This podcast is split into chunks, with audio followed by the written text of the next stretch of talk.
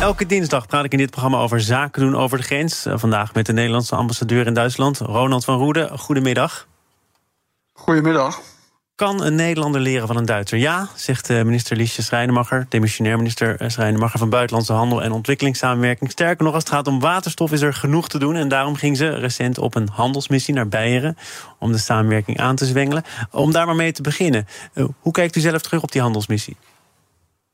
Nou, die handelsmissie is denk ik uh, was een groot succes. Uh, omdat in haar kielzocht dus ook gewoon bedrijven meegingen. En dat zijn vaak toch uh, startende bedrijven. Die ook een weg zoeken. En ik zeg altijd, Duitsland is groter dan Noord-Rijn-Westfalen. Omdat wat daar direct aan Nederland grenst. En het is een ongelooflijk mooie manier om in contact te komen met niet alleen de overheid, want die was er ook bij, uit beide, maar ook met kennisinstituten, met andere bedrijven. En dat is denk ik een hele mooie entree. En dat is in Duitsland altijd mooi als je het op die manier kunt doen. Ik hoor wel meteen in dat eerste antwoord enige frustratie doorklinken... dat er meer is dan Noord-Rijn-Westfalen. Nederlanders hebben, als het om Duitsland gaat, een te beperkte blik? Nou, dat wil ik in zijn algemeenheid, mag je dat niet zo zeggen. Maar kijk, Noord-Rijn-Westfalen is 18 miljoen inwoners. Dat is net zo groot als Nederland. Dat is een enorme markt. Uh, tegelijkertijd, heel Duitsland, praat je over 83 miljoen land dat negen keer zo groot is als Nederland. Uh, en Beieren en Baden-Württemberg in het zuiden. 13 miljoen, 11 miljoen inwoners. Dat zijn hele grote markten. En daar is denk ik nog heel veel te halen. Uh, ook voor Nederlandse bedrijven. Juist eigenlijk in innovatieve sectoren. Daar praat je over kwantum, daar praat je over fotonica. In dit geval uiteraard ook over waterstof. De energiedrager van de toekomst. Dat is belangrijk. Ik had juist begrepen dat Duitsland en ook het Duitse bedrijfsleven redelijk recent nog hele grote contracten hadden afgesloten met Qatar en de Verenigde Arabische Emiraten voor, voor LNG en gas. Maar er is dus ook al wel een blik op de toekomst in de vorm van waterstof.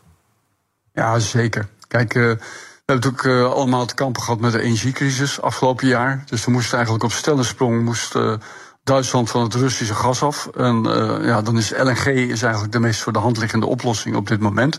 Maar de toekomst is wel aan waterstof. En uh, daar wordt volop eigenlijk in geïnvesteerd. Uh, vindt volop onderzoek plaats. En Nederland speelt daar een hele mooie rol in op allerlei terreinen.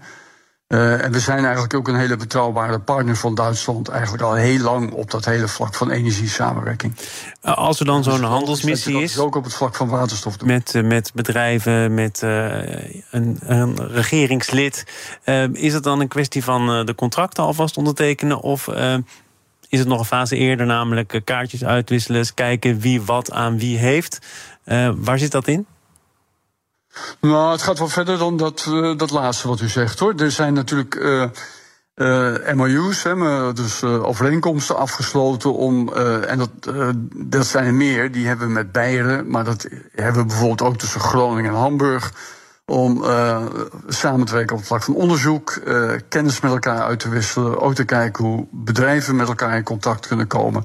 Dus het gaat wel verder dan kaartjes uitwisselen. En ik moet zich ook voorstellen dat er op dat vlak al heel erg veel gebeurt. Maar nogmaals, uh, het accent uh, op energiesamenwerking, dat lag tot nu toe eigenlijk vooral op enerzijds Rotterdam als haven en aanvoergebied en roergebied. En aan de andere kant Noord-Duitsland en Noord-Nederland als je kijkt naar oorspronkelijk gas. En eigenlijk recenter ook gewoon de ontwikkeling van uh, windenergie op de Noordzee. Als je daar in Duitsland een beetje met egaars ontvangen wil worden, wie moet je dan als bedrijf sturen? Uh, de topbestuurder zelf of mag het ook een ondergeschikte zijn? Hoe maak je het best een entree?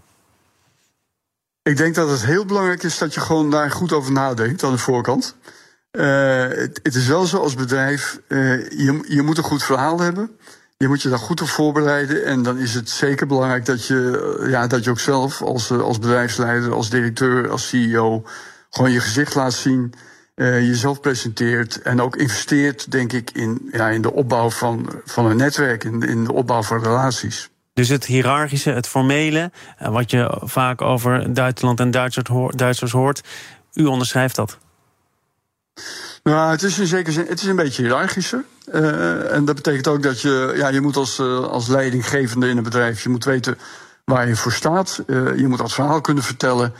Uh, en het is ook wel iets formeler in de zin dat uh, er zal in de vergadering zal niet snel een medewerker zijn, uh, zijn, zijn baas tegenspreken. En dat is in Nederland is dat een iets andere, hebben we een iets andere cultuur, omgangscultuur. En daar moet je je wel op instellen. Ronald van Roede, Nederlands, Nederlands ambassadeur in Duitsland. Dank u wel. Zaken doen over de grens wordt mede mogelijk gemaakt door Bluebiz. Het loyaliteitsprogramma voor zakelijk reizen van KLM en partners.